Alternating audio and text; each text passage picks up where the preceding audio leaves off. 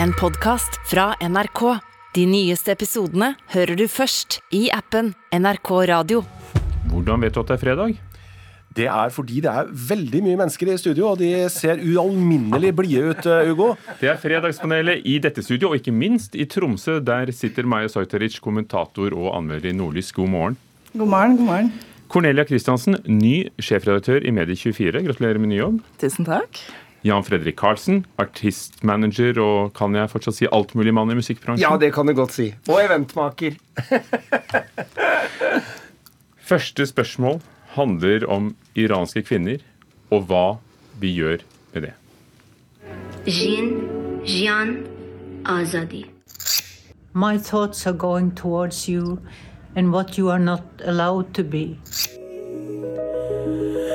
I know this is how you show grief. Liv Ullmann, som vi hørte her fra Dagsrevyen i går, gjør som mange andre kjente kvinner. De klipper en lokk av håret i protest for å støtte iranske kvinner som brenner hijaber og klipper av seg håret. Alt dette etter eh, at den unge kvinnen døde etter å sitte i kasjotten hos moralpolitiet tidligere i høst. Spørsmålet er betyr det noe for eh, saken, betyr det noe for iranske kvinner eller kvinner i Iran at kjendiser stusser håret i solidaritet og legger det ut på sosiale medier? Maja Sojtric. Ja. Jan Fredrik Karlsen. Ja. Cornelia Kristiansen. Ja. Og på hvilken måte? Eh, nei, det kan jo se ut som om det eneste resultatet av sånt er å, at noen får vist fram at de er veldig gode mennesker. Men eh, det som er bra med symbolhandlinger, er jo at det faktisk gir oppmerksomhet. Og noen ganger så viser det seg at oppmerksomhet er en forutsetning for å faktisk få løst problemet. Så selv om det er litt irriterende, så syns jeg det er en god ting mer enn en dårlig ting. Ja, altså, jeg bare tenker at det er et eller annet med at når mennesker samles, mennesker i en eller annen form som betyr et eller annet, har en følgerskare, eller om det er en influenser, eller om du rett og slett er veldig dedikert samfunnsinteressert person, så er det et eller annet med å sette det i en kontekst hvor man kan snakke om det, som jeg tror også vanlige mennesker får en relasjon til hva som skjer, hvor du forholder deg med det. Det er ikke bare mediene som er premissgiver i forhold til å formidle noe som skjer i samfunnet. Det gjøres av veldig mange andre mennesker også, som du i en eller annen form kanskje mer relaterer deg til, som igjen setter en agenda. Og da kommer mediene tilbake, for da viser de popularitet. Og da er, får saken enda større gehør, da i en litt annen kontekst, kanskje, bare at nyhetene er premissgiver for en nyhetssak. Men Maja Saitarici, i Iran så strammer jo politiet skruen, og, og, og, og de slår ned hardt på protestene. Altså, det er jo ikke sånn at mullaene plutselig kommer til å bli demokratisk sinnet uh, og likestilt uh, bare for at Liv Ullmann klipper håret. Uh, og det er jo et sånt der drag av sånn performative activism over det her. Men iranske kvinner som kjemper for denne saken i Iran, er jo veldig glad for all oppmerksomheten den får, fordi vi har problemer med tradisjonelle medier og hvordan de rapporterer det her. Mm. Det er jo sånn at man vil ha bekreftelse fra iranske myndigheter på at de har drept en ung kvinne, mens det ryr inn i sosiale medier av bilder og videobevis som er vanskelig for oss å verifisere, av mange unge kvinner som har bøtet med livet i de her protestene. Så jeg tenker at eh, nei, det kommer ikke til å forandre moralpolitiet sin innstilling til kvinner, men det, kommer, eh, det får i hvert fall saken eh, til å holdes varm, og det ser ut som iranske kvinner som protesterer på bakken, er takknemlige for det. Cornelia Kristiansen, har mediene et problem i hvordan vi rapporterer alt som har skjedd etter at Masa Amini døde?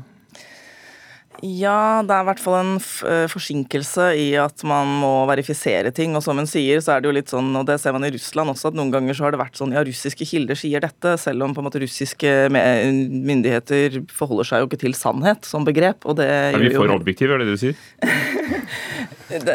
vi må bare tenke litt annerledes, tror jeg, i sånne type konflikter. Altså, det er vel litt, og så er det litt sånn, Jeg satt og så på Dagsrevyen i går, eh, fordi at jeg skulle hit i dag, så måtte jeg i hvert fall se på det. Og da var det en iransk kvinne som beskrev situasjonen ut fra sitt perspektiv. Og det jeg tror er at det gir veldig mye motivasjon i en eller annen form. Den der å kjenne på en støtte kjenne på at mennesker får med seg, bryr seg i en eller annen form om det de står i, som de kjenner uendelig mye bedre enn jeg tror gjengs nordmann eller andre faktisk gjør. Men det er en motivasjon til de. og Den er fin. Du, du brukte jo uttrykket 'performative activism'. Kan du si litt mer hva, du, hva det er? Det er jo et eh, sånt kjendisuttrykk, eh, og, ofte sånn typiske kampanjer på sosiale medier som skal vise at kjendiser bryr seg, og så av og til så slår det jo forferdelig eh, feil ut. Jeg tror det var en, en sånn type aksjon i forbindelse med, covid-pandemien som Hollywood-kjendiser satte i gang, som var fryktelig cringe. så, men det her er jo Det, virker faktisk ektefølt, og ja, men de kommer til å sette inn inn nye extensions, eh, de her damene, sånn at det lille klippet ikke kommer til synes. Men uh, det virker ikke som Liv vel? Ja, Nei, kanskje ikke.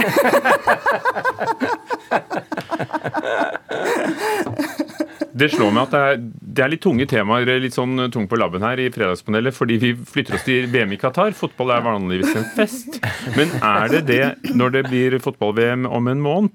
Det er fortsatt grusomt å være migrantarbeider i Qatar. Det sier Amnesty International. Ny rapport kom denne uken. Det har vært reformer, men de ser ingen resultater på bakken, eller veldig få. I tolv år har migrantarbeidere jobbet med liv og helse som innsats. Mange har bøtet med livet for å bygge stadion og anlegg.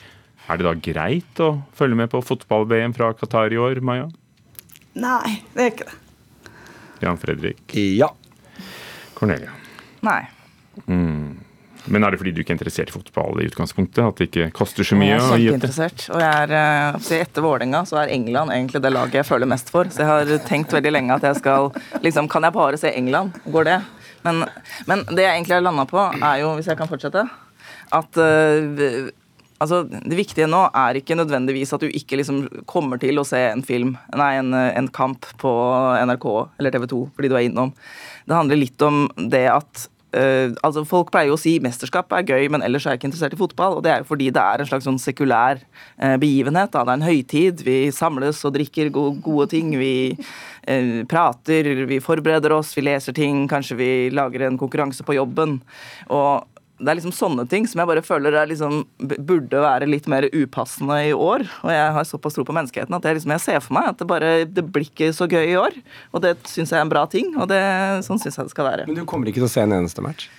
Jeg vet ikke, men okay. jeg skal prøve å la være. Og jeg tror vet også erfaring at det er jo morsommere hvis du starter å se gruppespillet i et mesterskap, så er du jo mye mer med etter hvert. Og hvis du går glipp av den fasen, så har man liksom dette ut litt allerede. Ja. Så det er en investering du må gjøre av tid. Ja, ja. Men Carlsen, ja, altså Det er klart at det er jo ingen som sympatiserer med det som skjer. Og det er klart at Håvard Melnes, som jeg syns har vært veldig flink i Norge med Josimar, dette sportsmagasinet, fra lenge før egentlig noen begynte virkelig å skrive kritisk om fotball-VM i Qatar, om hvordan de faktisk fikk tildelt dette, så har han satt en agenda. Og jeg føler at det eneste jeg egentlig har hørt om fotball-VM i Qatar eh, siste året, er hvor mye kritikk kan vi på en måte få opp? Hvor mye skal vi belyse, og vi skal belyse? Her har kringkastingssjefen sittet og pratet, TV 2-sjefen, men allikevel jeg gjør som NRK, fordi at NRK stoler jeg på. De kommer til å vise fotballkamper eh, i VM, og det betyr ikke at ikke vi ser eller får med oss det som skjer. Fordi det siste halve året i hvert fall har de vært flinke til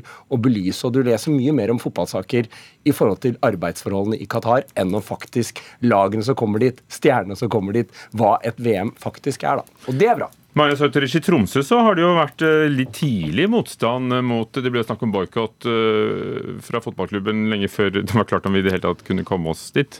Ja, uh, ja, TIL har jo vært veldig aktiv uh, i uh, altså, å sette lys på denne saken. Og også i Tromsø så er det jo bl.a. Et fotballpub som nekter å vise Eh, fotball-VM, eh, og det kommer sikkert til å koste en veldig veldig mye penger. Eller Blå Rock, som er altså fotball- og musikkpub. Um, så, uh, men det, jeg tenker altså, Jeg har jo vært, vokst opp med fotball sånn som veldig mange andre mennesker. Også, hjemme hos oss var det sånn at fotball trumfa barne-TV. Uh, og fotball har jo på en måte alltid hatt et annet etos enn bare uh, 22 mann som følger en ball. Det har handla om fellesskap, det har handla om arbeiderklasse, det har handla om alle de her tingene uh, som uh, det her VM-et viser tydelig at fotball har gått bort ifra for lenge siden. den sportsvaskinga av diktaturer og menneskerettighetsbrytende nasjoner som altså, torturerer sine egne arbeidere, er jo ganske graverende. Og selv om jeg har jo på en måte valgt bort fotball i, voksen, voksenlivet, så har jeg jo da gjort en liten Man må jo gjøre research når man kommer på Fredagspanelet, så jeg gjorde en liten sånn stikkprøve og spurte noen av de her mest ihuga fotballsupportere jeg kjenner uh, i går. Og de sa jo jeg sliter jo nok med etikken med å følge med Premier League. Uh, og det blir jo helt for jævlig å se på VM i Qatar. Så det var faktisk flere som mente at det, det kom de til å styre unna. Men det er lett nå når Norge ikke er med. vet ikke. men, men, men kan det bli et værskille, VM i Qatar? Altså, jeg tror nok i hvert fall at det er et, en helt annen endring i inngang til fotball-VM nå enn det noen gang har vært før. Ja, jeg tror at uh, Noen sier sånn ja, hvorfor dette, hvorfor ikke OL i Kina og Russland? Men jeg tror det er, har vært en bevegelse mm. generelt som nå har fått mm. en kulminering. Vi får se. Um, kanskje du skrur på smug når England Ingen kommentar. Nytt spørsmål knyttet til a-ha. De kom med nytt album.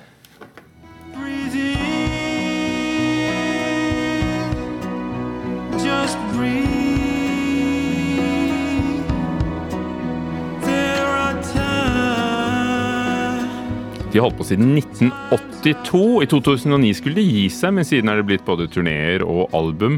Eh, de slapp eh, smakebit fra dette siste, eh, True North, for en liten stund siden. Et brev hjem, sier de der. Det er også en, en film. Men spørsmålet er er a-ha fortsatt hva de en gang var? Cornelia Kristiansen. Ja. Jan Fredrik Karlsen. Absolutt ikke. Og Maja. Nei, men det er noen av oss. Så det er kanskje en god ting å absolutt ikke være hva du var i ja, og 1982? Det, ja, og jeg mener det i aller beste mening. Fordi at a-ha er så mye mer enn hva de faktisk var før. Og uh, det er lagd filmer, dokumentarer om a-ha, hvor de snakker om sin egen karriere uten at noen av de sitter i samme rom og gjør det sammen. Uh, som er en del av kjernen og nerven i a-ha. Det er tre eksepsjonelt talentfulle kunstnere i hver sin form og retning som kreerte et eller annet sammen i London, skapte verdens største popmusikk tok det med seg videre. De exploret sitt indre liv, sitt ytre liv, av hva de skulle være. De, klarte, de klarer nesten aldri å sitte sammen, de tre, men hva de kreerer sammen, har de utviklet og utviklet, og de er popkunstnere. Det er en Bare hør på stemmen til Morten Harket. Det er ikke mange popvokalister vi har hatt i vår tid som klarer å frembringe de emosjonene. Og nå har Paul Voktor Savoy som sitter bak og lager melodilinjer som du gråter av, og som du må bli provosert av. Og med en Magne Furuholme med all sin kunstneriske tilstedeværelse, så skaper de noe mye, mye mer enn det de var den gang da, og jeg er glad de aldri ga seg. Og du gråter av det nå? Ja, jeg, jeg gråter ikke akkurat her, men de, de, de setter i gang følelsene. Ja, absolutt. absolutt. Maja Setteric. Nei, altså Jeg har jo hatt eh, gleden av å anmelde denne filmen eh, når den kom ut i september, så da fikk jeg jo liksom høre hele plata, fordi filmen er jo basert på um, uh, altså Plata er liveinnspilt i Bodø, i svømme, den nedlagte svømmehallen, sammen med Arktisk Filharmoni, da, som også holder til i Tromsø. Uh, og da sa Magne Furuholmen at det her er jo liksom et dikt fra det høye nord, og det var liksom sånn den nordnorske patosen som er i det, og jeg elsker det jo selvfølgelig, sånn som alle andre i Nord-Norge gjør. så jeg var jo det det var jo lettkjøpt, men det var jo liksom tre voksne menn som ser ut mot havet, og uh, bårene bryter over uh, sjarken, og det er jo liksom er nydelig, men uh, ikke den samme nerven. Og så har den liksom sånn klima- og miljøaspekt i seg, som han Magne Furuholmen pusher, men som han Pål Vaktor Savoy ikke er så veldig nøye med. og det er litt sånn, Du ser jo at de ikke er akkurat samkjørt i hva bevegelsen i det her er, men det er jo en veldig koselig og fin plate som man kan høre på på vinkvelder, og, og, Morten Harket høres jo fantastisk ut. En plate til, til vinkvelder, og, og, som vil erobre verden, tror du? Cornelia? Eh, nei, det tror jeg kanskje ikke. Eh, Men eh, nei, altså jeg eh, Mitt ja var mest basert på at de den gang var tre litt gretne menn som ikke egentlig tålte trynet på hverandre. Det er de åpenbart fortsatt. Det som har endra seg, er hva de, hva de, hvilken output de har, og hvilken respons de får. Men de er jo eh, basically det samme. Mm. Det står at de, de, de velger å åpne turneen i, i Bodø og ikke i New York. Stemmer dette her? De har jo i hvert fall hatt veldig sånn fokus på, eh, på eh, Nord-Norge. Eh, og uh, den her filmen de eh, slapp da i september som Fortell oss om den. på den.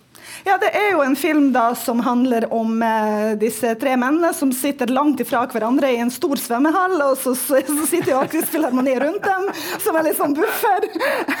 og så blir det her filma. I tillegg så er det jo ispedd noen sånne litt sånn type nostalgiske Nord-Norge-nasjonalromantiske eh, scener og, og eh, videoklipp og sånne små Ga du fortellinger. terningkast på den også, eller hvordan var det? Um, det var en firer. Det var jo på en måte Altså, vi, vi, vi blir jo lett lurt av den der sjarken og støa og er, Så eh, jeg, jeg syns jo det var veldig vakkert. Du, blir- du klarer ikke la være å ikke bli ja, og så liker jeg litt det der at de egentlig ikke liker hverandre, men de jobber sammen. Jeg syns jo det der er jo litt sånn det er en kontrast og undervurdert. men det er en kontrast og en spenning i det som gjør deg nysgjerrig hver Ikke eneste sant? gang, og det er så Ja, gøy. Men kanskje det er spenninger som eh, skaper kreativitet? da?